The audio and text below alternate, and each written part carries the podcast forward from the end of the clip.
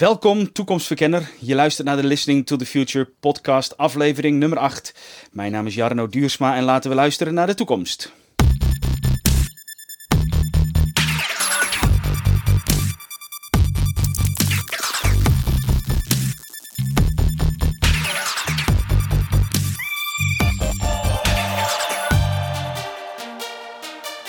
Hey, welkom en leuk dat je er weer bent. Je luistert naar de Listening to the Future podcast en mijn naam is Jarno Duursma. Ik ben trendwatcher, digitale technologie, spreker en auteur. In deze podcast interview ik experts uit de digitale wereld en kijken we naar de toekomst door de lens van digitale technologie. We proberen nieuwe ontwikkelingen te zien, te duiden en te voorzien van context. Met optimisme en af en toe een kritische blik. Hoe gaat digitale technologie onze toekomst vormgeven? Dat hoor je in deze podcast. Beste luisteraar en vriend van de show, wil je mij helpen en deze podcast delen op sociale media? Dat zou ik enorm waarderen. Kijk ook of je ergens een review kunt achterlaten van 5 sterren. Abonneer je en vertel het je vrienden, je collega's, je bekenden, etc. Heb je tips of adviezen? Laat het me weten. Info of via Twitter lttfnl. Alle show notes en alles wat je nog wil weten staat op jarnoduursma.nl slash podcast. Vind je deze show de moeite waard? Beste vrienden, deel hem via je sociale media kanalen. Dat helpt me enorm om hem te verspreiden. En dan nu, let's listen to the future. Beste mensen, een paar honderd kilometer hier vandaan zit Ben van der Burg. Oud lange baanschaatser. Van 1986 tot met 91 actief in het lange baanschaatsen. En nu commercieel directeur bij Triple. Triple ontwikkelt applicaties voor mobiele telefoon, zouden zich bezig met virtual reality en kunstmatige intelligentie.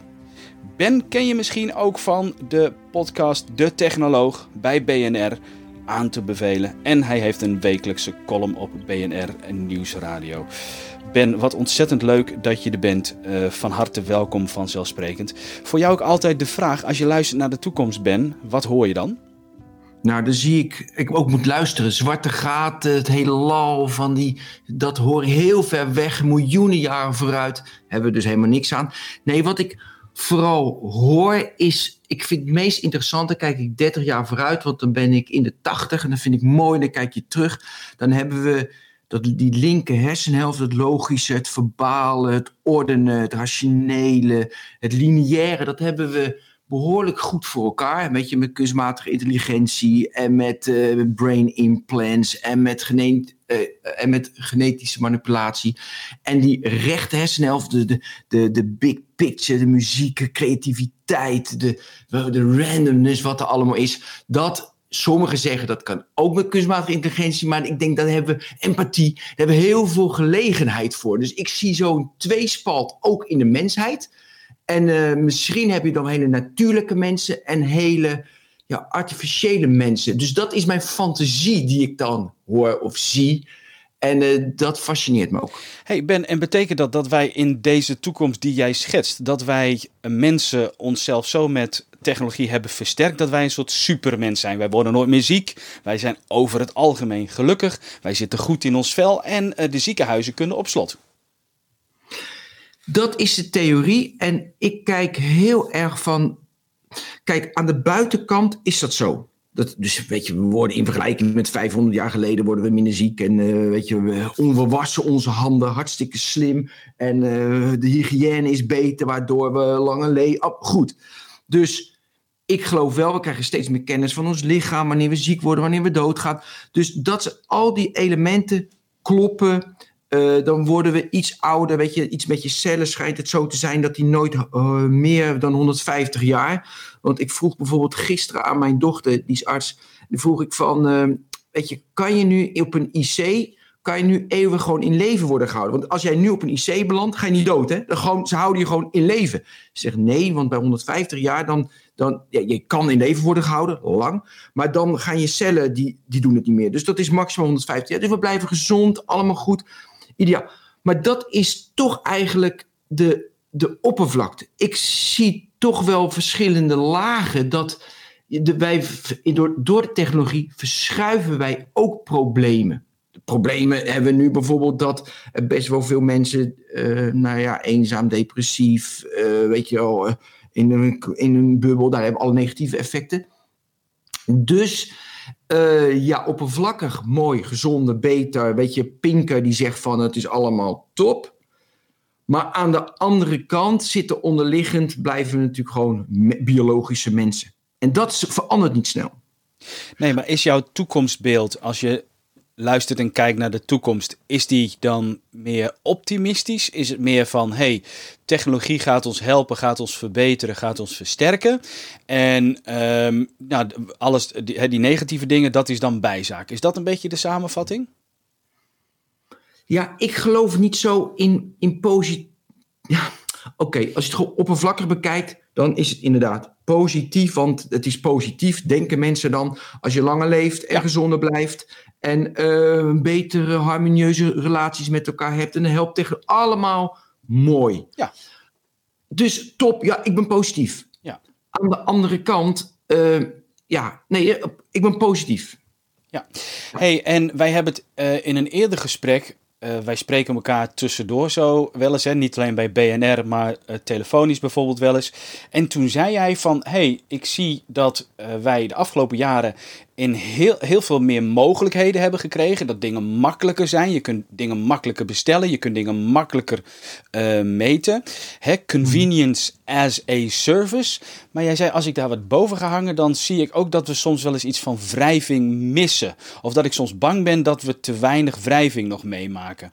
Ja. Um, dat is van een afstand uh, bezegd. Uh, voor de mensen die uh, luisteren, de, deze podcast is 25 maart 2020 uh, opgenomen. We hebben nu te maken met de coronacrisis. Uh, ik zou zeggen, uh, wrijving op dit moment genoeg. Wat zie jij daar?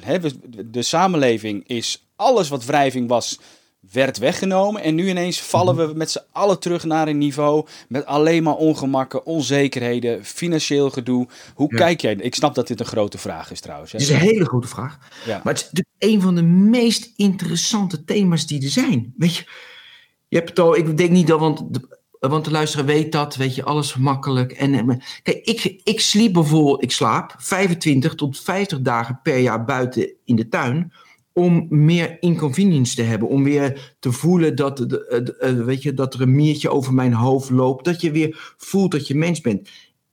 Je hebt het vrij makkelijk. En een mens die wordt dan ja, lui. Het is te makkelijk gelijk eten bestellen. Nou, we kennen, we kennen al die voorbeelden. Je wordt nu, en dat is, het zit ook in sport, hè? Ik wil even sport, want ik heb, ik, mijn achtergrond natuurlijk sport. Kijk, als jij alleen maar, uh, als je nooit traint tot een maximum, als je nooit pijn lijdt, als je nooit jezelf prikkelt, mm, weet je, dan, je, word je niet beter. En dat is hetzelfde met onderwijs. Ja, je kan het leren wel leuk maken, maar dat heeft geen zin om het leuk te maken, want het is moeilijk. En als het moeilijk is, en kijk, dan groeien als mens. En dat is een juiste balans tussen moeilijk maken en niet moeilijk maken. Uh, ik kom zo op corona hoor.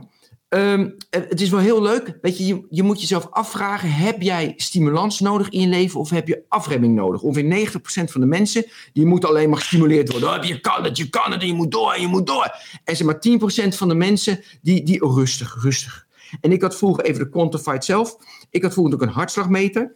En uh, als ik een hartslagmeter. Ik kom zo op corona. Als je een hartslagmeter hebt, dan, dan, uh, dan denk je van. Nou, dan zegt je hartslagmeter: hey, kom op, Ben. Een beetje door. Je, ben, je denkt dat je moe bent in je hoofd. Maar je bent niet moe, je moet door.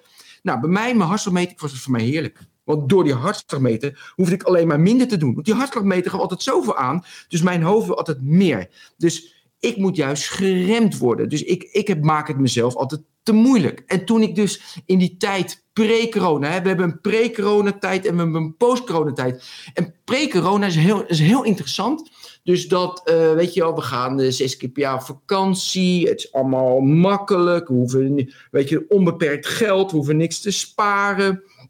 En in dat pre-corona-tijdperk ging ik steeds meer de laatste twee, drie jaar voelen van... dit is niet goed, Jarno. Dit, weet je, ik, ik, er zit geen groei. Wat is moeilijk? Als ik, weet je, ik hou van lezen. En dan, ik heb natuurlijk ook concentratieproblemen... dat ik de hele dag op mijn mobiel zit. En kan ik nog een dik boek lezen? Dus ik dwing mezelf om dat moeilijke boek te lezen. Dus de, de, de frictieloosheid... daar kunnen we drie over... Dat, dat, pre-corona. Nou, nu corona. Nu zien we dus, ja, het komt bij elkaar. Kijk, en nu is het nog makkelijk, want je, uh, want je gaat naar de supermarkt. Nou, dan moet je iets langer wachten voor de supermarkt. Vinden mensen al heel erg moeilijk, want zijn we niet gewend. En uh, ja, dus nu zie je van, als je in crisistijd, dan zie je wat de, wat de, wat de, hoe, wie mensen echt zijn. Zo, ik zal een mooie anekdote vertellen over crisis.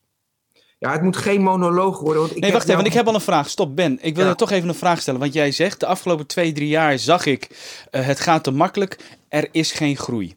En daarmee bedoel jij, er is zoveel gemak, zoveel bereikbaarheid, zoveel mobiliteit, zoveel services. En daardoor uh, kom, is er te weinig wrijving voor de mensen om zichzelf te ontwikkelen. En uh, daardoor groeien mensen te weinig. Is dat, je, is dat een goede samenvatting? Ja, ja. daardoor. En jij gaat dan buiten slapen, terwijl ik denk, ja, jij moet juist afgeremd worden. Ga gewoon lekker in je comfortabele bed liggen. Ja, maar ik, ik heb wel iets in me dat ik de drang voel van... hey, als ik 85 ben, wil ik wel een verhaal hebben. Mijn verhaal is natuurlijk helemaal niet goed genoeg. En van Max Zuckerberg is zijn verhaal veel beter. Maar als ik maar een klein beetje het idee heb dat ik in de digitale wereld iets doe... prima, weet je, dus dat is voor mij voldoende. En dus daarom heb je die, die druk nodig. En, die, en het is, dat is best wel moeilijk in die makkelijke wereld. Oké, uh, waar was ik nou? Want ik zat een monoloog, maar toen ging je... En dat heb ik nu verklaard, jouw nee, vraag. Maar jij zegt nu, en jij zegt van nu na corona. Dus mensen vinden het moeilijk om voor de supermarkt uh, bijvoorbeeld eventjes te wachten. Jij merkt dat mensen wat weinig getraind zijn. Ja, nou, maar ik wilde dus voor. Ik wil nog even uh, de, de kern vertellen. Kijk, een van de kernen is, en dat zie je. Kijk, wie ben jij als het moeilijk wordt? Dus jij kan feest vieren, zes keer per jaar op vakantie. Je kan uh, eten bestellen. Allemaal leuk.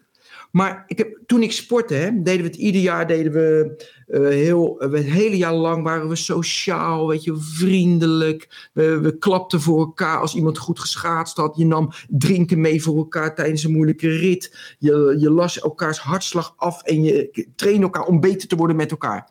En op het moment van een wereldkampioenschap, dan brandt het rode lampje. Dan is er geen eten. Dan zit je in de stress en is het moeilijk. En dan was ik ineens mijn schaatsen kwijt. Hè, dat is ook gek. En er werd ineens tegen mij gezegd vier keer per dag: Wat zie je wit? Ben je ziek of zo? Dus weet je, je ziet in extreme situaties gaan mensen anders reageren. En wat ik zo interessant vind van deze coronatijd, ja, mensen worden, worden anders. En mensen accepteren ook hele andere dingen. Weet je, dat nu, we hadden over die hele surveillance capitalism, wat natuurlijk ook een toponderwerp is. Nou, zie je heel veel weerstand. Weet je, mag alles gevolgd worden. Drie soorten internet: uh, Europa, China, Amerika. En, uh, en, nu uh, zeggen ze zelfs van: nou ja, we moeten mensen misschien maar gaan volgen. Want dan ze mogen niet met elkaar in contact komen. Telecom operators, willen jullie alsjeblieft de data beschikbaar stellen? Zo'n noodwet, hup er doorheen ja, dat is wel heftig. Ja, ik herken het. Hè. Um, jij, ik, ik, heb, ik schrijf ondertussen even mee. Jij zei, wie ben je als, als het moeilijk wordt? En dat zie je natuurlijk nu om je heen. En daarin zijn we ook mensen. Hè. Dus daarin zie je dat er heel veel goede initiatieven bijvoorbeeld zijn. Maar dat mensen ook dingen doen die gewoon evil zijn. Hè. Dat ze bijvoorbeeld schaarse producten voor extreem hoge bedragen of producten die worden beleefd als schaars, bijvoorbeeld voor hele hoge bedragen uh, in de markt zetten. Ja, dat zie je natuurlijk ook. Hè? Dus um, uh, daarin komt de mensheid ook naar voren.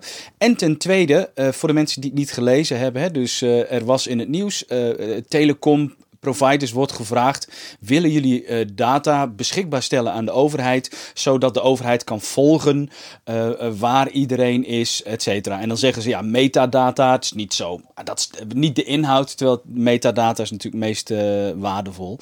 Uh, dus jij ja. zegt aan de ene kant mensen reageren anders in deze omstandigheid, maar mensen accepteren ook uh, iets anders.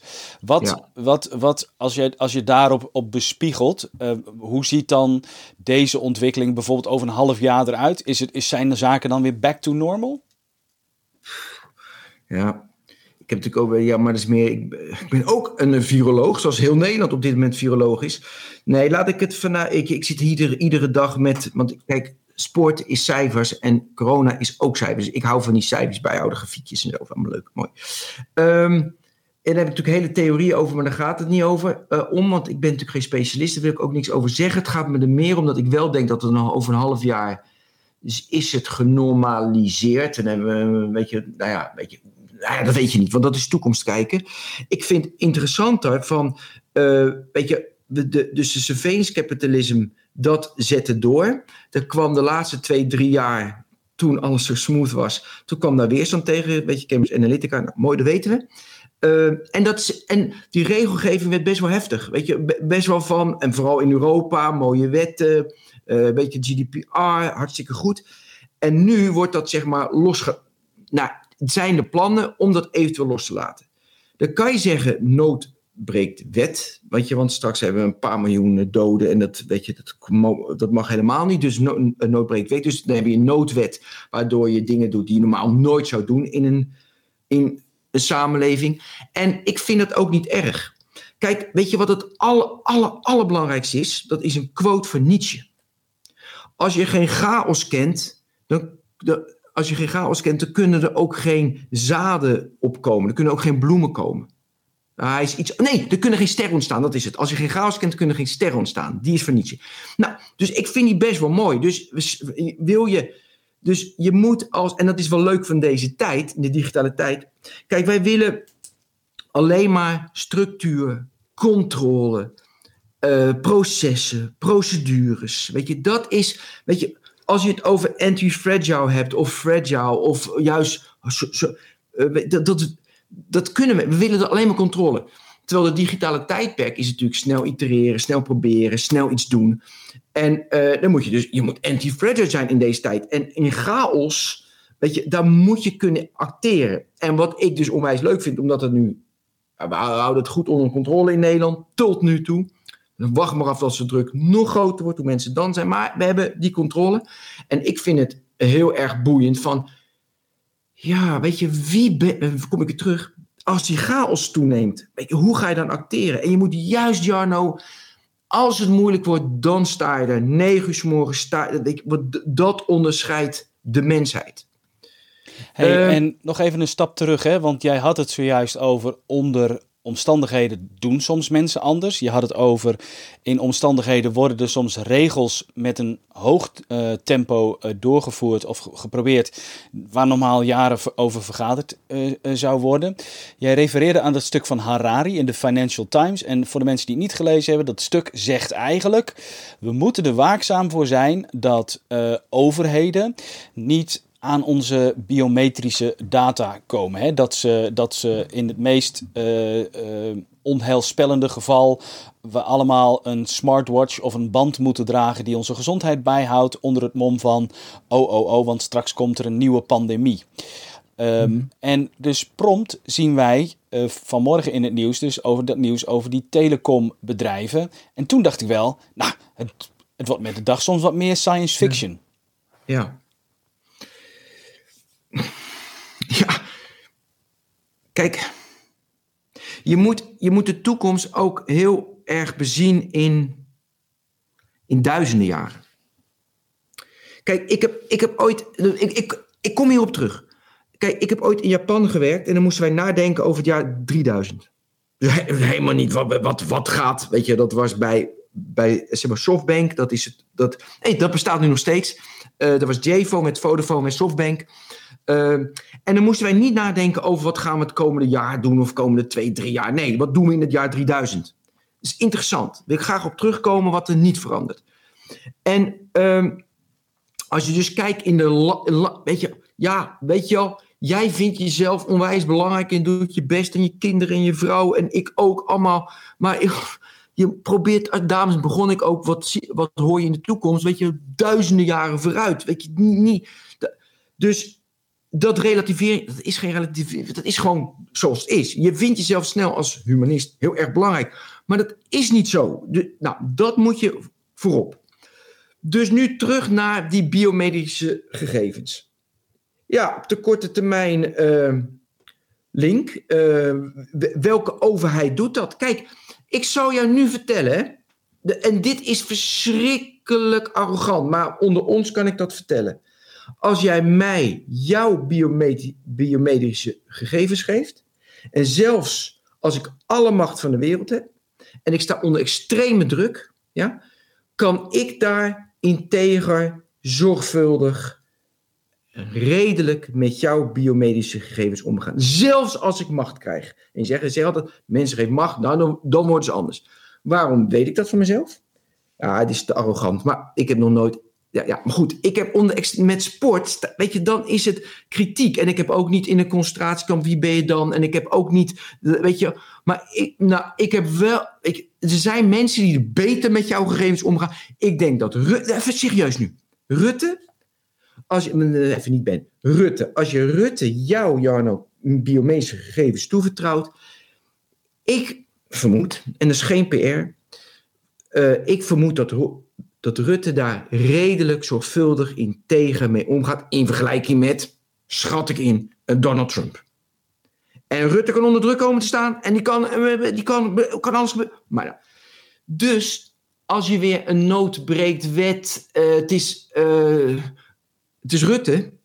Weet je wel, ja, het is gevaarlijk, weet ik. Maar, maar en doe ik even advocaat van de duivel. In oorlogssituaties moet je soms om om iets duurzamer te leven. Mm oh, dat is natuurlijk ik, ik, ik, ik, doe even advocaat van de duivel. Hè, want ik geloof dat wij in Nederland en Europa, we zijn beschermd door wetgeving. Dat onderwerp van privacy dat staat goed op het netvlies.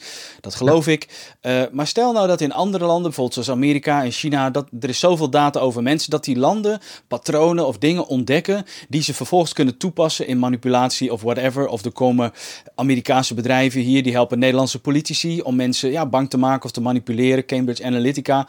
Uh, dat zou ook kunnen. Dan zijn wij hier in, in Europa zijn wij het braafste jongetje van de klas.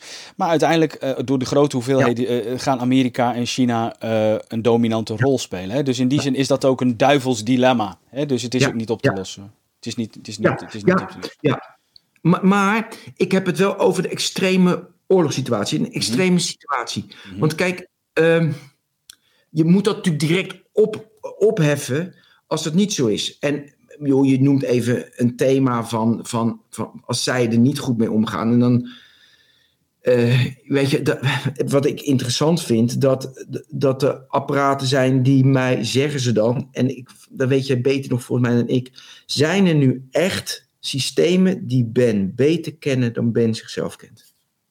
Er zijn zoveel verschillende artikelen over. Ik Wat geloof, nou ja, het is maar de vraag. Hè. Kijk, ik denk als je bijvoorbeeld, uh, stel je vraagt bij Apple uh, het mapje Jarno Duursma op. En daar zitten ja? al mijn apps en welke websites ik bezoek. En, ja. en, en hoe vaak ik die apps gebruik en waar ik dan ben. En et cetera. En je laat tien slimme mensen daarnaar kijken. Ik weet zeker dat die achter dingen komen, patronen waarvan ik denk, verdraaid. Nu je het zegt. Snap je wat ik bedoel? Dingen die ik oh, natuurlijk de, onbewust doe. Ja. Dus dat. dat, dat dus bewust van, dus de data die ze hebben. Ja, logisch. Ja, toch? Dus dat geloof ik. Maar ik geloof niet dat één enkele app die ik af en toe gebruik, dat die, uh, dat, die dat allemaal weet. Google weet veel ja. van mij. Plus, in hoeverre, dat is ook zo'n mooi, een mooi debat. Want ik, ik hou wel van debatten waar we niet achter zijn. Als ik het al weet, ik wil dus dingen tegen jou vertellen die ik niet weet. Want anders, ja, weet ik het al. Maar Jarno, in hoeverre kan je nu echt genutst worden? Hoe, in hoeverre kan ik, van jou, kan ik jouw mening totaal veranderen? Nou, kijk, wat je natuurlijk gezien hebt bij onder andere Cambridge Analytica, is op het moment dat je mensen iets laat voelen, bijvoorbeeld uh, inspeelt op hun angsten of inspeelt op hun uh, boosheid, hè, dat je mensen beweegt in een richting en dat is niet meer nudgen, maar dat is echt het gevoel van, hey, um, die mensen, je duwt ze een bepaalde richting op. Dat, dat geloof ik wel, op het moment ja, dat je nee, inspeelt op emoties. Ja, dat is bewezen. Oké, uh, ander onderwerp. Nee, we, gaan even door. Um, je had het over Amerika. Wat ik een interessant met corona, want daar moest het ook over hebben. Wat ik een hele in, echt eng, eng, eng, eng, eng vind, is dat Trump nu in Duitsland zegt hij van ik moet het vaccin eerder hebben. En dat er een wedstrijd is. New York Times was een artikel dat China, Europa of Amerika als eerste het vaccin willen hebben, want dan hebben ze economisch voordeel. Nou, weet je, dan heb ik van. Dat je dus zelfs met de gezondheid van mensen, en ik weet, want ik kijk alleen maar naar de farmaceutische industrie. Maar dat je over die rug ook nog economisch voordeel wil hebben. Ja, het is wel grappig, is wel... Ben, want er, ont, ont, er ontstaat een uh, wat rode lijn in ons gesprek. En dat, die rode lijn is ook een beetje: wie ben jij als het moeilijk wordt? Want dit oh, gaat ja. er ook over, hè? Van, van ja. ga je nou, daar had het, Harari had het ook over, hè? We moeten solidair zijn onderling. En uh, nu zeg jij weer van, hé, hey, maar wie ben je als het moeilijk wordt? Ja, want dat is de, dus, kijk, en dat is leuk, hè? Uh, geloof jij in maar dat is best wel een principe. Geloof jij in winnen en verliezen? Weet je, zero-sum game. En dat is heel erg ook in technologieën. Of, uh, of geloof je in een positive game? En wat je dus uh, oorspronkelijk met internet en digitalisering was heel erg van hey, een positive game. Weet je, het wordt democratisch, uh, iedereen krijgt een stem. En we hebben open source software. Dus allemaal elementen van een positive game. En toen kwamen de, de big tech en toen werd het weer heel erg van hey, een zero-sum game. Weet je, want je hebt de plat, uh, je hebt de netwerkeffecten, dus dan krijg je weer een zero-sum game. Maar die balans tussen een positive game, we winnen allemaal in wat wij doen, of een zero-sum. En ik denk, willen wij, als je het over de toekomst hebt, want je wilt het over de toekomst hebben, wij overleven niet als je niet denkt in positive game. Ik, doe, ik, ik, ik, zeg wel eens mensen, dat vind ik onwijs leuke oefening. Uh, nee, oefening, gewoon een verhaaltje. Oké, als ik nu tegen jou zeg, het is 1420. Welke beelden poppen in jou op? Het jaartal 1420. Wat popt op? Nou, de, de, de zwarte dood. Ja. Die, ja, precies, die krijg je gratis erbij. Armoede. Nee, maar, armoede, uh, heksenverbranding. Uh, ja, uh, pff, volwassen mensen die maximaal 36 jaar worden of zo. Precies, allemaal een beetje nou, dat. En nu, hoe denk jij dat, we kunnen over 2020 heel, heel lang hebben, dat doen we nu. Maar hoe denk jij, de mens, als er dan nog mensen zijn, bla bla bla, in 6, 2620, dus 600 jaar vooruit, terugkijken op 2020. Hoe zullen ze naar ons kijken? Wat zijn, als ik dat vraag in 2620, wat popt in die mensen op? Wat denk jij? In die mensen popt op een aantal dingen. Wat in die mensen oppopt is ten eerste, hoe is het mogelijk dat er nog mensen doodgingen aan ziekte XIZ? Dat popt erop. Ja, dus tot 150 jaar, ja. Hoe is het mogelijk dat mensen bijvoorbeeld in een auto hun leven nog zo uh, gevaarlijk. Um, zo. Um, hoe is het mogelijk dat in de tijd waarin zoveel informatie beschikbaar was, er zo ontzettend veel oneenigheid was? Hoe is het mogelijk dat er zoveel informatie over klimaatverandering was en dat de mens dan toch heeft doorgehobbeld terwijl het licht op oranje stond? Nou, dat zijn allemaal dingen. Geweldig. Ik vertel het heel veel mensen, stel ik deze vraag. Gaaf dat jij dit allemaal. Leuk. Uh, ik heb ook heel erg van, en dat, dat was jouw laatste, weet je met zoveel informatie, dat mensen niet circulair dachten. Dus dat, waarom ze nog in sum dachten. De ene wint, de andere verliest. Waarom niet in positive game? Weet je de abundance theorieën. De, weet je, die, ik, de, dat is echt voor mij on, ongelooflijk. Dat, dat wij dat. En daarom is het corona dan ben ik veel te positief, want het is, jongen, ik zie, lees die verhalen van mensen die ziek zijn, dat is echt niet prettig. Maar is wel een, nogmaals een kans. Mensen veranderen alleen maar als het druk staat. Extreme druk, extreme urgentie, dan veranderen dingen. Krijgen we het nu voor elkaar? En in 2008 met die, met die crisis niet, hè? We zullen zelf de voet voor, gewoon schulden maken. Krijgen we nu voor om wel iets te veranderen. En dan vind ik het interessant. hey, wanneer gebeurt dat? En als ik denk aan 9-11, dat was best wel een schok, waardoor heel veel dingen veranderden. Weet je wel, die End of History van Fukuyama, dat was 1989, 2001, was in één keer, uh, was in één keer afgelopen, de Golfoorlog. Ben, dit is, dit is een interessant spoor. Dit is een interessant spoor.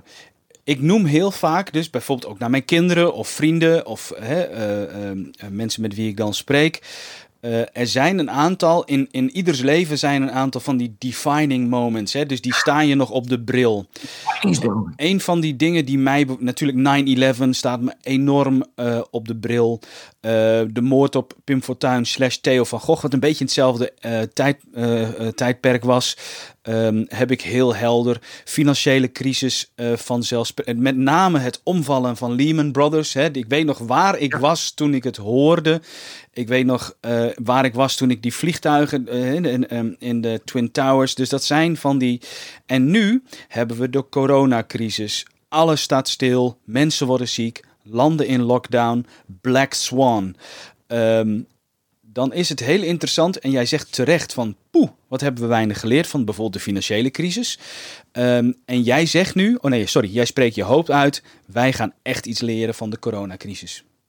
Ja, omdat ik vermoed dat het zo heftig is en zoveel druk ontstaat, dat ja, je echt iets leren. Dat gaat natuurlijk heel langzaam. Uh, daar wil ik zo even een, een, standaard over maken.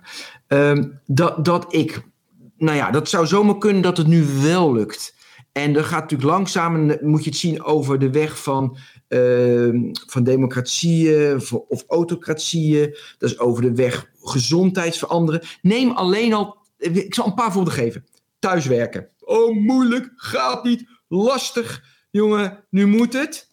Weet je wel? En ik zie gewoon productiviteitscijfers omhoog gaan, omdat mensen niet, niet afgeleid worden op het werk. Um, neem de gezondheidszorg. Jongen, digitalisering de gezondheidszorg. Wat een drama.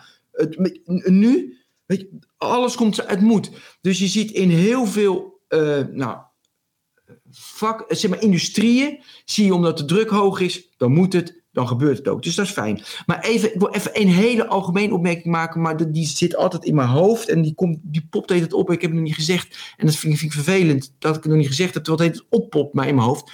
Voor mij was het Watts, heet die, uh, computer, uh, computerkundige. En die, die zei ooit van, we leven, de mens leeft zeg maar in de middeleeuwen qua biologie, weet je wel? En ja, dus je kent hem. Hij leeft uh, nee, in de oertijd met zijn biologie emoties. Dat, dat is, uh, dus dat is de oertijd. Uh, hij leeft in de middeleeuwen met alle, zeg maar, zeg maar, regering, ehm, constructen, de, de, de regelgeving. Regelgeving is middeleeuwen. En we leven in de technologie 100 jaar vooruit. Dus er is een mismatch met emotie, biologie, wie je bent als mens, met de structuren, regelgeving en technologisch wat we kunnen. En dat popt constant bij me op. Dus de, om de, weet je, wij kunnen die technologie gewoon niet aan. En, onder die, en dat vind ik zo leuk van nu, de, van, nee, niet leuk, maar van de corona is het nu. Dan moeten wij als mens, wat ik eigenlijk heel moeilijk vind en lastig, moeten we daar naartoe gaan. we moeten. Dat is één. En twee, wij hebben, je zegt, Ben, de technologie niet aan. Kijk, ik kom uit de telecomsector oorspronkelijk. Hè. Mijn digitalisering technologie is, uh, is uit de telecom. En in 2004, toen ik in Japan werkte, en toen was de doelstelling, Ben, denk, je moet 3000 jaar vooruit, dat weet nee, maar je moet nadenken van, hoe krijgen we voor elkaar dat iedereen de hele dag zijn mobiel gebruikt, internet. En toen, en liep ik in Japan, in Tokio, toen zag iedereen alleen maar op zijn scherm kijken. In 2004 dacht ik, wow, wat is dat een mooie wereld zeg. Dat zou toch fijn zijn als iedereen dat zou doen. Nou, nu is het gelukt en dat is best snel gegaan. Hè? Nu is het gelukt en denk je, gasten, weet je, gooi dat ding weg. Dus, maar weet je, dus in de telecom, ik zeg van, technologie loopt vooruit. Als je natuurlijk technologie weer frictieloos maakt in het systeem wat past bij je emotie, gevoelens, het bewerken van je, van je mens zijn, ja, dan gaat het wel snel. Dus dat vind ik ook best wel een contradictie. Want uh, ik, als het dus in jezelf zit, smoothless, en ik, die dopamine wordt opgeraakt en ik blijf met timeline refreshen, dan doe ik het wel. Maar het lukt dus niet als ik thuis wil werken, want dan gelooft iemand niet dat je doorwerkt. Weet je, dat soort elementen. Of uh, dat je op afstand een consult krijgt bij een arts. Ja. Dat soort. Maar even een korte samenvatting. Jij zegt dus van, um, um, goh, wat die coronacrisis, even los van alle vreselijke dingen die, die daarbij horen. Er zitten ook wel degelijk zitten daar voordelen aan. En een van die voordelen is dat mensen bijvoorbeeld thuis gaan werken, digitalisering. Mensen gaan zich meer verdiepen in die mogelijkheden. Aan de andere kant hoor ik jou ook zeggen, potverdikkie, die technologie. Ik zie mensen nu in Nederland allemaal op hun telefoon kijken en daar word ik ook wel eens tureluurs. Daar word ik ook wel eens crazy uh, van. Uh, hoe, hoe, hoe, hoe heb je die spagaat dan? Hè? Want je bent de man van de tech en uh, van, ja. van, van innovatie. Misschien e-health, m-health. Ik weet niet precies wat je, quantified self. Ik weet niet precies waar je allemaal zelf mee bezig bent. En tegelijkertijd, hè, niet alleen nu in dit gesprek, maar veel vaker hoor ik jou ook zeggen van... Oh, ik word wel eens crazy van al die mensen op hun smartphone. Het, je bent ook, je bent niet alleen maar, je bent ook kritisch op technologie. Ja, ik, ik ben niet, ja, ik ben heel, ja. Um, kijk, de menselijke waarde, ik zei, die leeft nog in de oertijd, want biologie verandert heel erg langzaam. De emotie, de empathie, weet je, dat, um, ja, dat vind, ik dat vind ik belangrijk. En ik zie, als je de dag op scherm zit, heb je dat niet. Dus eh, mooi maar het, technologie brengt ook, weet je, die informatie, nou, alle positieve dingen, daar heb je het ook vaak over, de, over de hele wereld. En ik kan zelf iets produceren, allemaal hartstikke mooi. Uh, en ik vind juist belangrijk dat je daar kritisch, uh, wat voor jou werkt, mee om leert gaan. En weet je, ik vind dat, uh, ik, ik het is een verschrikkelijk, verschrikkelijk cliché. over dat boek, weet je, als het boek nu werd uitgevonden, dan hadden mensen gezegd: Oh, schandalig. In je, weet je, in je eentje zit je te lezen en met gamen heb je vrienden enzovoorts. Maar het is wel een, een weet je, het klopt wel. En dus ja ik, ja, ik ben gewoon dubbel erin. Kijk, ik persoonlijk, omdat ik een informatiejunk ben, weet je, ja, ik, mijn, mijn schermtijd op mijn mobiel krijg dan altijd, de, uh, krijg altijd van Apple. En er zit dan, uh, ja, dat komt ook door podcast, maar die is gewoon 11 uur en 7 minuten per dag gemiddeld. Weet je, dus dat ben, slaat allemaal Neem ons eens mee, hè? want ik zei zojuist uh, M-Health, Quantified Self, gezondheidsmeter, je komt uit de sport, uh, je leest heel veel, je houdt van statistieken. Neem ons eens mee, wat voor, wat, de mensen die nu luisteren, wat moeten ze gaan doen? Hè? Dus ik heb bijvoorbeeld mijn Apple Watch, heb ik, en die monitort mijn activiteit en ik hou mijn slaap hou ik bij en nog wat andere dingen. Maar ik weet ook niet altijd goed wat ik ermee moet. Waarvan zeg je nou, hey mensen, doe eens X, Y, Z. Want mijn persoonlijke ervaring in het verzamelen van die data, in het lezen van die dingen, heb je daar enorm veel aan. Dat is hele interessante. Ik, ik gebruik die. Uh, kijk, ik, uh, ik, uh, ik ben niet zo van de tips. Dus mijn belangrijkste tip is: luister nooit naar tips van anderen. Maar ik heb de app Autosleep. Heb ik ook. En dat is mooi. Ja? Ja, ja, ja dit, dit, is een vind ik een interessante anekdote. Kijk, toen ik vroeger sportte, schrijf je iedere dag op hoe heb je geslapen, hoe lang heb je geslapen, ben je zagrijnig of niet? Want als je zagrijnig bent, ben je eerder overtraind. Wat eet je, wat train je en maak je grafiekjes van. Nou, leuk, leuk, leuk, leuk, leuk. Nou, nu kan dat lekker met data in je telefoon. Mooi, heb ik autosleep. En ik moest... Uh, had het groen, groen, groen, groen alles. En toen moest ik voor het WK schaatsen moest ik, uh, filmpjes maken midden in de nacht. Want dat was natuurlijk in Amerika. En toen was natuurlijk mijn slaap was uit balans. Het is nu zeven weken verder. Ik heb mijn slaap nog niet op orde. Na zeven weken. Daar was ik zonder autosleep nooit achter gekomen. Nou, dat vind ik echt uniek. Dus mensen die nachtwerk hebben, oeh, slecht voor je. Weet je, dat vind ik uniek. Wat bedoel je op orde? Op orde dat weer een beetje groen is. Dat ik voldoende gewoon voldoende slaap. heb, voldoende, uh, weet je, mijn hartslag morgens goed is. Niet op orde. Nog steeds rood en, en, oranje. En dan zeg je van, oh, slecht gemeten, weet ik allemaal. Maar het is een, een, het is een, een balans. Twee. Je ba ik baalde altijd met ootslip als ik s'nachts wakker werd. Ik s'nachts wakker? Shit, ben wakker. Ik slaap slecht. Nee, gewoon wakker zijn. Gewoon gaan lezen. Want je diepsliep is ernaar beter. Nou, dat had ik zonder autosleep nooit geweten. Dus dat is weer convenience. Vroeger moest je opschrijven. En, maar nu weet je, helpt dat de, heel klein. En ik doe niet zoveel aan quantified self dingen. Ik heb geen implants en zo. Want je moet jezelf niet te weet je, gek maken. En uh, nou, dus, ja, vind ik mooi. En ik probeer, lukt me niet als ik het bos in ga, alles af te doen. En uh, niks aan tegen, geen podcast. Is vaak moeilijk. Trouwens, een van de mooiste dingen die ik hoorde. Dat zei een gast van de field tegen mij als jij nu, dat weet jij, maar even voor de luisteraar, voor mij was het echt een mooie anekdote. Dan zeg ik van, oh, dat is zoals ik in het bos en alles, dan weten ze niet waar ik ben. Nee, als jij nu naar een bos gaat ergens in Estland en je laat alles thuis, je bent dus niet, niet online, je houdt alles thuis, dan kunnen ze, eh, als ze willen, het kost geld, maar als ze willen, kunnen ze precies zien waar Jarno na twee dagen is. Als ze willen. De geheime diensten. Want ze weten hoe hard jij loopt. Ze weten hoe de paden lopen in dat bos. Ze weten waar je auto neer hebt gezet. Ze weten hoe vaak jij rust. Als ze willen. Iemand van de field. Nou, daar had ik echt van. Hoe kan dit? Gaaf, hè? Dit is toch. Dat vond ik zo mooi. Wat over surveillance capitalism en wat over die dingen. Maar even deze anekdote tussendoor. Voor mij, ik heb van die dingen hoor ik wel eens. Dat die, die, die mij bijblijven. Heel veel dingen blijven niet bij. Maar sommige dingen heb ik van wow nou ja, we, zien een, een duidelijke uh, spagaat tussen aan de ene kant uh, de technologie en uh, die ons inzichten, voorspellingen, convenience geeft, hè, waar jij en ik blij van worden. Die vinden we interessant. En tegelijkertijd moeten we soms kritisch zijn. Oké, maar wat gebeurt er dan in en op lange termijn gaan we daar spijt van krijgen. Ik, dus ik heb in 2012 een boek geschreven over sociale media. Als je dat boek nu leest, is het echt heel erg optimistisch echt heel erg optimistisch. Hè? Daar, daar, daar is, is de gedachte van surveillance capitalism is nog niet eens ontstaan. Hè? Um, wat ik bijvoorbeeld nog even, mijn, mijn verhaal over autosleep, hè, dus die app gebruikte ik ook. Dus ik, ik heb hem uh, twee jaar geleden voor het eerst gebruikt. En toen heb ik, ben ik gelijk gestopt. Want ik werd er heel zenuwachtig van om te zien hoe weinig ik eigenlijk sliep. Ja, Hè, dus, dus, uh, dus toen dacht ik van, oh shit man, ik slaap eigenlijk maar zes uur uh, echt. Uh, en, en, en, en, en, ik moet ook zeggen, het heeft mij toen ook weer geholpen. Om te dachten, nee, ja, nou, je moet gewoon zorgen dat je gewoon een beetje op tijd op bed, dat vind ik heel moeilijk, een beetje op tijd in je bed ligt. En nu gebruik ik hem een tijdje en dan merk ik toch over de lange termijn dat je best veel inzichten hebt. Hè? En sommige dingen meet hij dan niet goed. Um, dus dat herken ik wel. Dat, dat, ik vind het heel waardevol dat ik een aantal inzichten. En ik gebruik nu al heel lang mijn Apple Watch. Dus die heb ik al jaren. En daar kan ik nu soms dingen uithalen over mijn hartslag, over mijn gezondheid. Dat ik echt denk: oh wauw. Weet je, echt wel super interessant om te zien.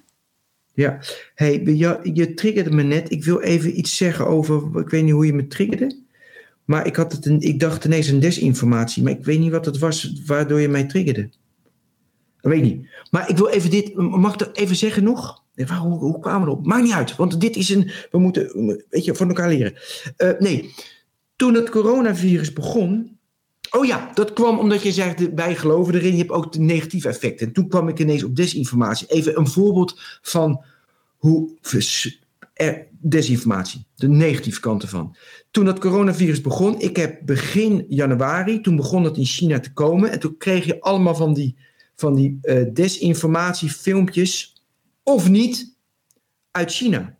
Weet je nog dat hele bekende filmpje in Wuhan, dat mensen gingen zingen in Wuhan, dat heb je ook in Italië gezien en zo. Ja. In Wuhan gingen ze zingen, wij kunnen het, wij kunnen, wij kunnen het. En ik had, doe ik altijd bij rampen, bij erge dingen, doe ik altijd hashtag die ramp, weet je al, eh, bijvoorbeeld, uh, bijvoorbeeld het coronavirus. En dan kijk ik even van mijn jongen, wat, wat gebeurt er? En ik had heel veel filmpjes verzameld. En ik heb Ieder bericht heb ik van, ja, fake of niet? Nou, ik weet het niet. Nee, dat hebben ze niet zin. Een beetje een man op een scooter met helemaal plastic om zich heen. Haha. En uh, iemand die gewoon op straat ineens neervalt. Ja, speelt hij dat of speelt hij dat niet? Maar, en tuurlijk, ik ben de enige en iedereen, weet je, je kan de NSC en de FD allemaal geloven.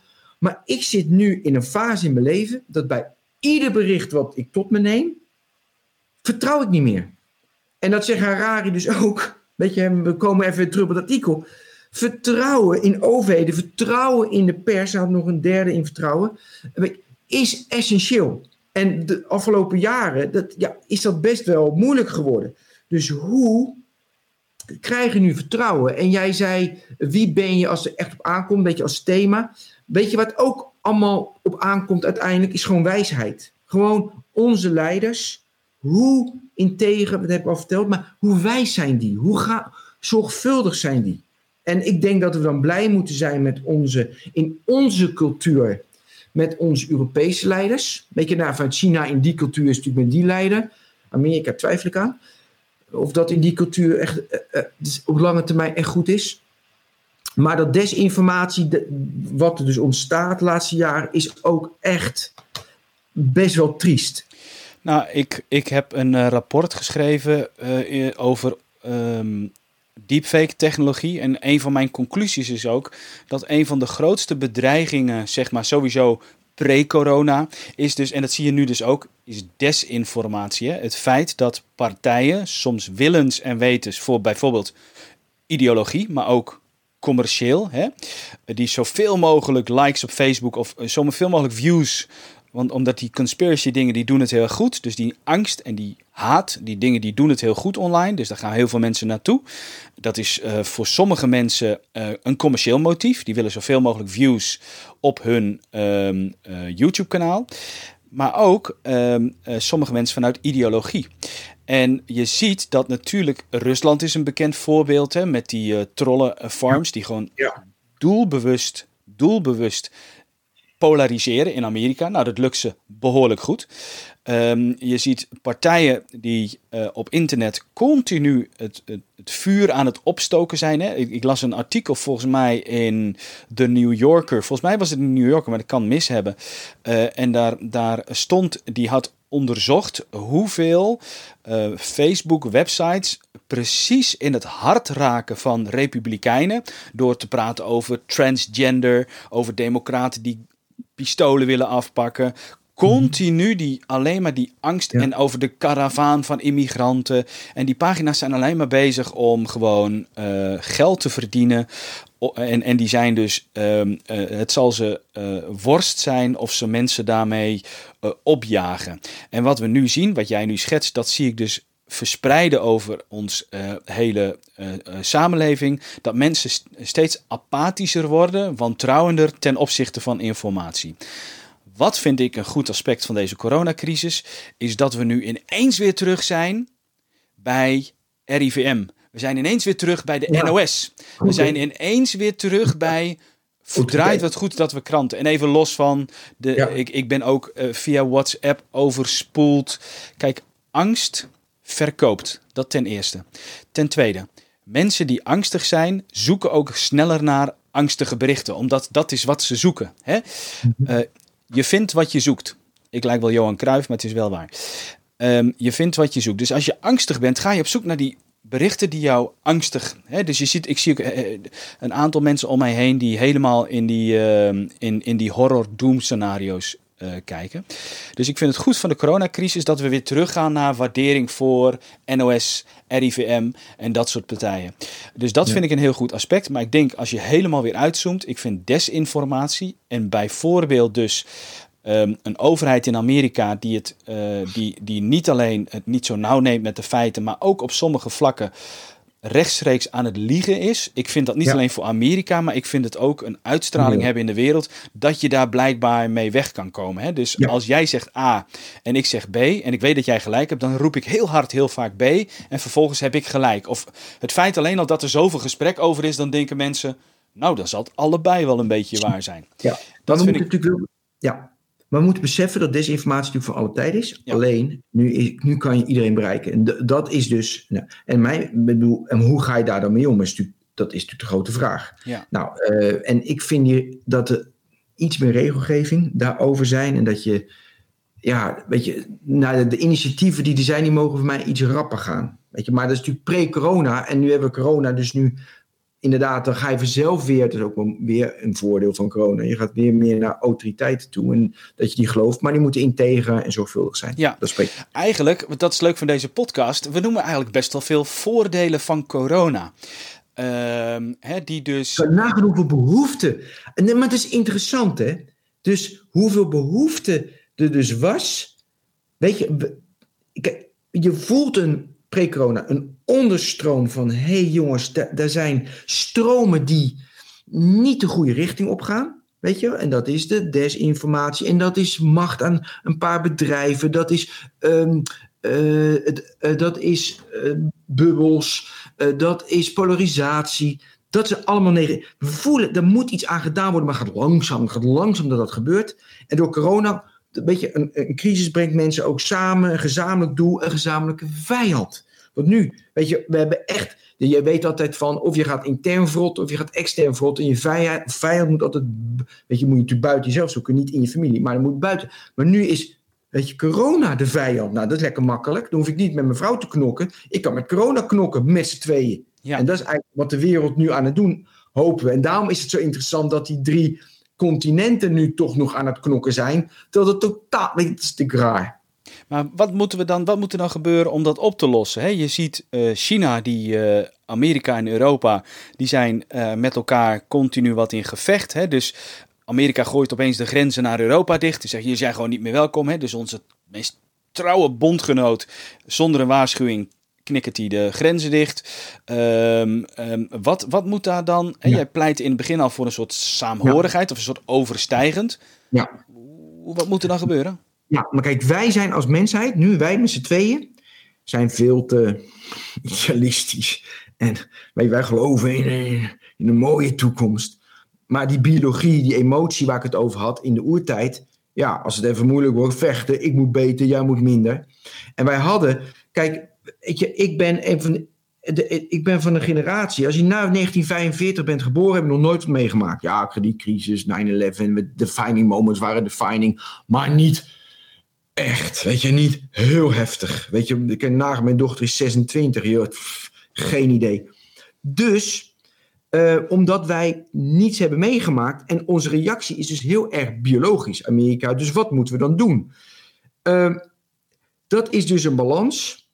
Als we, kijk, in die 75 jaar na de oorlog hebben we al die structuren en die processen, die veiligheid, hebben we allemaal opgebouwd. Allemaal in, weet je, opgebouwd om dat te doen. Door een extern virus brokkelt dat nu af. Maar we houden het goed, we houden het nog veilig. Ik zie nog, nog weinig rellen, want er is nog eten. Maar als dat even langer duurt, dan krijgen we het natuurlijk ook allemaal. Ja, en dan moeten we weer naar ons ideaalbeeld, moeten we, gaan we dan weer netjes groeien. Maar ik zie, uh, dat, is de mensheid al, voordat we die balans hebben in onze idealistische wereld met samen en harmonie. En joh, ik vind het wel een zinnig punt. En waar ik het een zinnig punt, want terwijl jij zojuist iets aan, aan, aan het vertellen was, vond ik het, toen dacht ik, kijk, Ehm, jij hebt een internetbedrijf, hè? jij doet ook sprekersklussen. Uh, mijn uh, inkomstenbron is ook uh, het doen van lezingen. Hè? Dat is nu weggevallen, maar goed, dat komt wel weer. Jij en ik zitten allebei in een positie hè, dat we niet bang hoeven te zijn. Goh, ik verzin maar wat, moeten we ons huis uit of wat dan ook. Ik vind dat er wel een contrast is wat je nu heel duidelijk ziet tussen mensen die het comfortabel hebben, bijvoorbeeld omdat ze gewoon domweg hard gewerkt en gespaard hebben, en mensen die in loondienst. En toch ook, en dat hoorde ik dus vorige week van Robert Wendt in de podcast dat 36% van werkend Nederland geen zekerheid heeft. Die heeft of tijdelijk of uitzend of freelance of wat dan ook.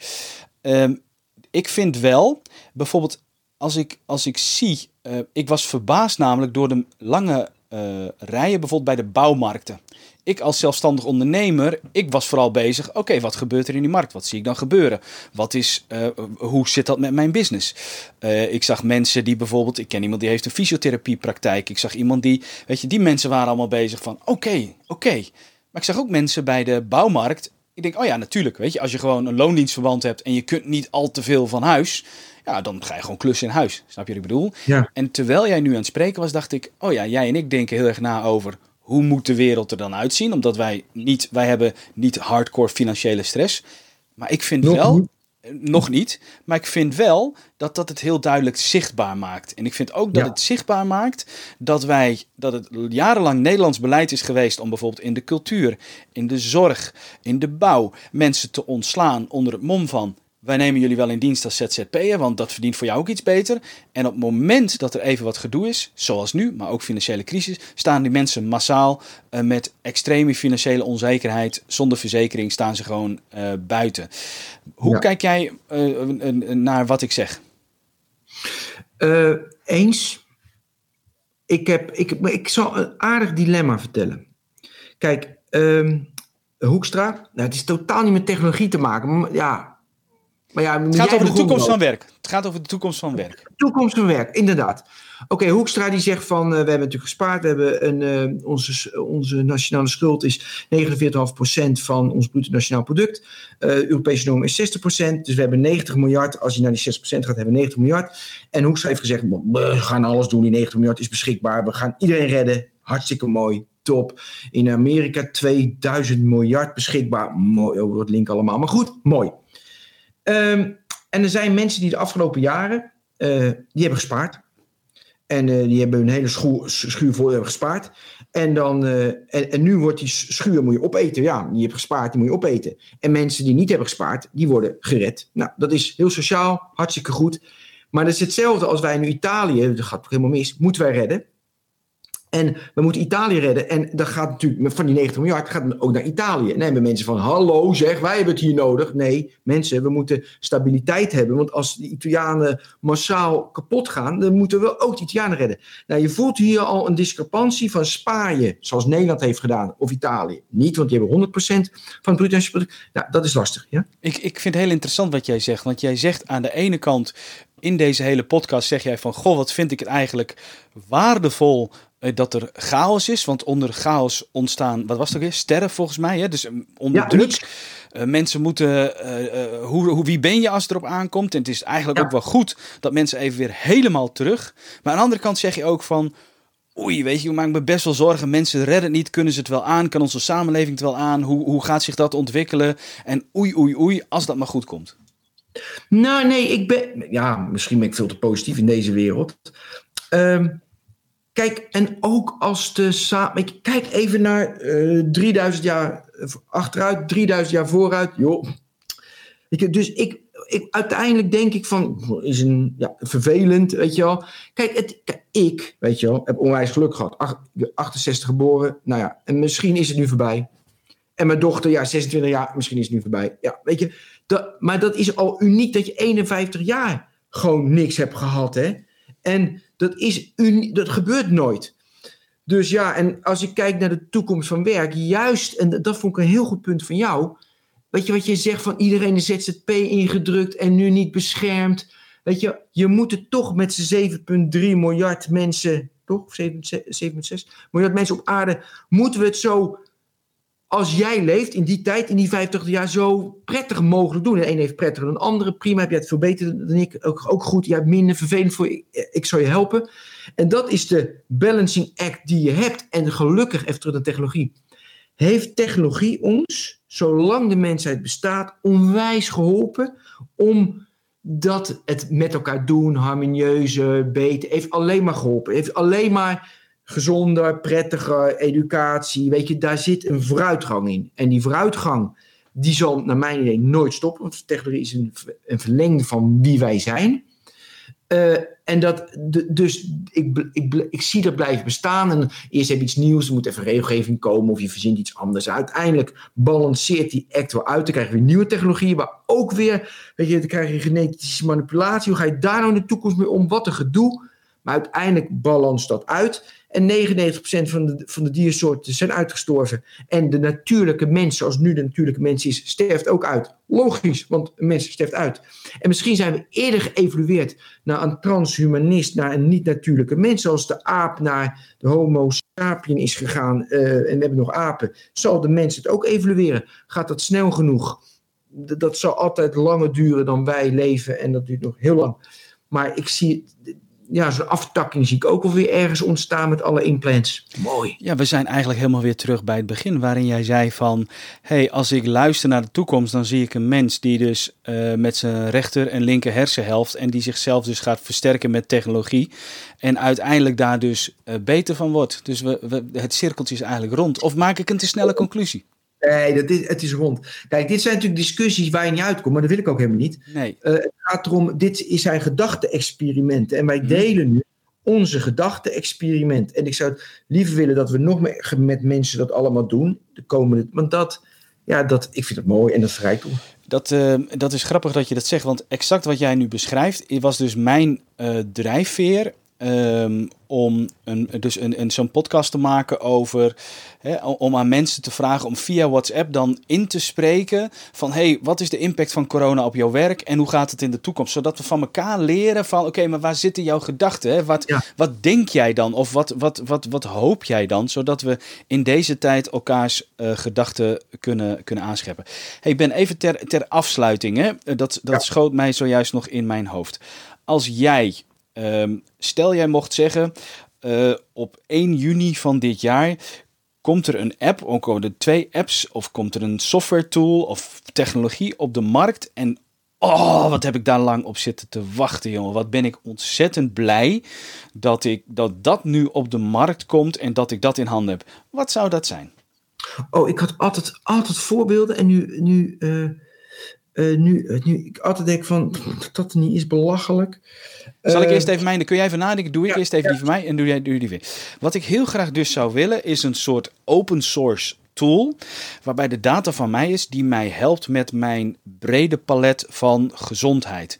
He, die uh, uh, met slaap, met stress, met eten, met al die dingen, met mijn beweging, hartslag, etc. En die daar in een hele objectieve, door de Wereldgezondheidsorganisatie, he, maar die, en, en desnoods, als, als zoiets is en ik moet daar een chip voor in mijn hand uh, doen. Hè? Niet een NFC, maar gewoon echt een goede chip die dat allemaal meet. Die bijvoorbeeld ook, wat is je, hoe ziet je bloed eruit? Hè? Eet je genoeg koolhydraten? Top, ja, nou wil ik ook. Dit is echt je topvoorbeeld. Ja. Dus je hebt hem nu van me weggenomen. Dus we hebben al, al mijn data. Ja. Die, en ik, het, het, zeg maar, het is transparant wat de algoritmen zijn. Juist. Zodat ze maar leren enzovoorts. En dat ik dan beter word. Oké, okay, ja. dus die heb je van me afgenomen. Ik zal de andere noemen. Een hele simpele.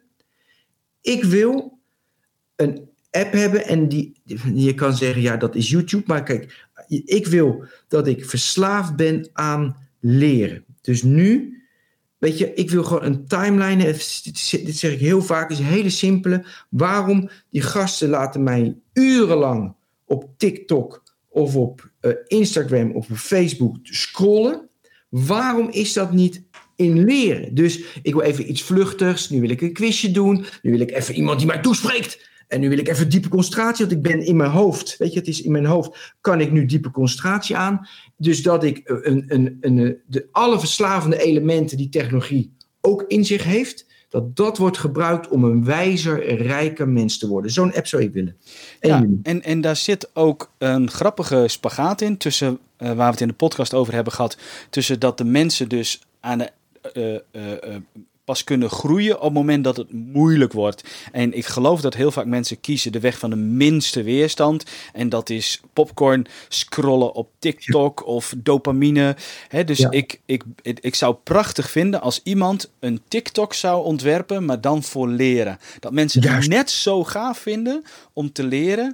is voor. Ja. Maar ik snap niet dat die gasten die dat kunnen, dat niet maken. Dat is toch een miljardenindustrie dit? Ja, maar je vergeet, Ben, je vergeet dat uh, voor heel veel mensen die... Kijk, jij en ik, wij kenmerken ons omdat we nieuwsgierig zijn. We willen nieuwe dingen leren, we willen ze begrijpen. Maar als je dat niet als karaktereigenschap hebt... Ja, er zijn heel veel mensen, ja, die willen gewoon geëntertained. Die willen gewoon popcorn. Die, willen, die hebben die behoefte veel minder. Dus als, als, als, als die mensen uitgedaagd kunnen worden... dan uh, zijn we een heel eind. Um, laten wij met deze wijze woorden de podcast uh, afsluiten. Hey, bedankt. Ja. bedankt voor het gesprek. Ik vond het ook ontzettend uh, interessant. Fijn dat ik met jou mag sparren. Ja, en uh, wederzijds. Ik heb overigens het gevoel alsof we nog maar net begonnen zijn. Maar dat is... Ja, hè? Ja. Uh, zo, oké, goed. Um, beste mensen, dit was de Listening to the Future podcast.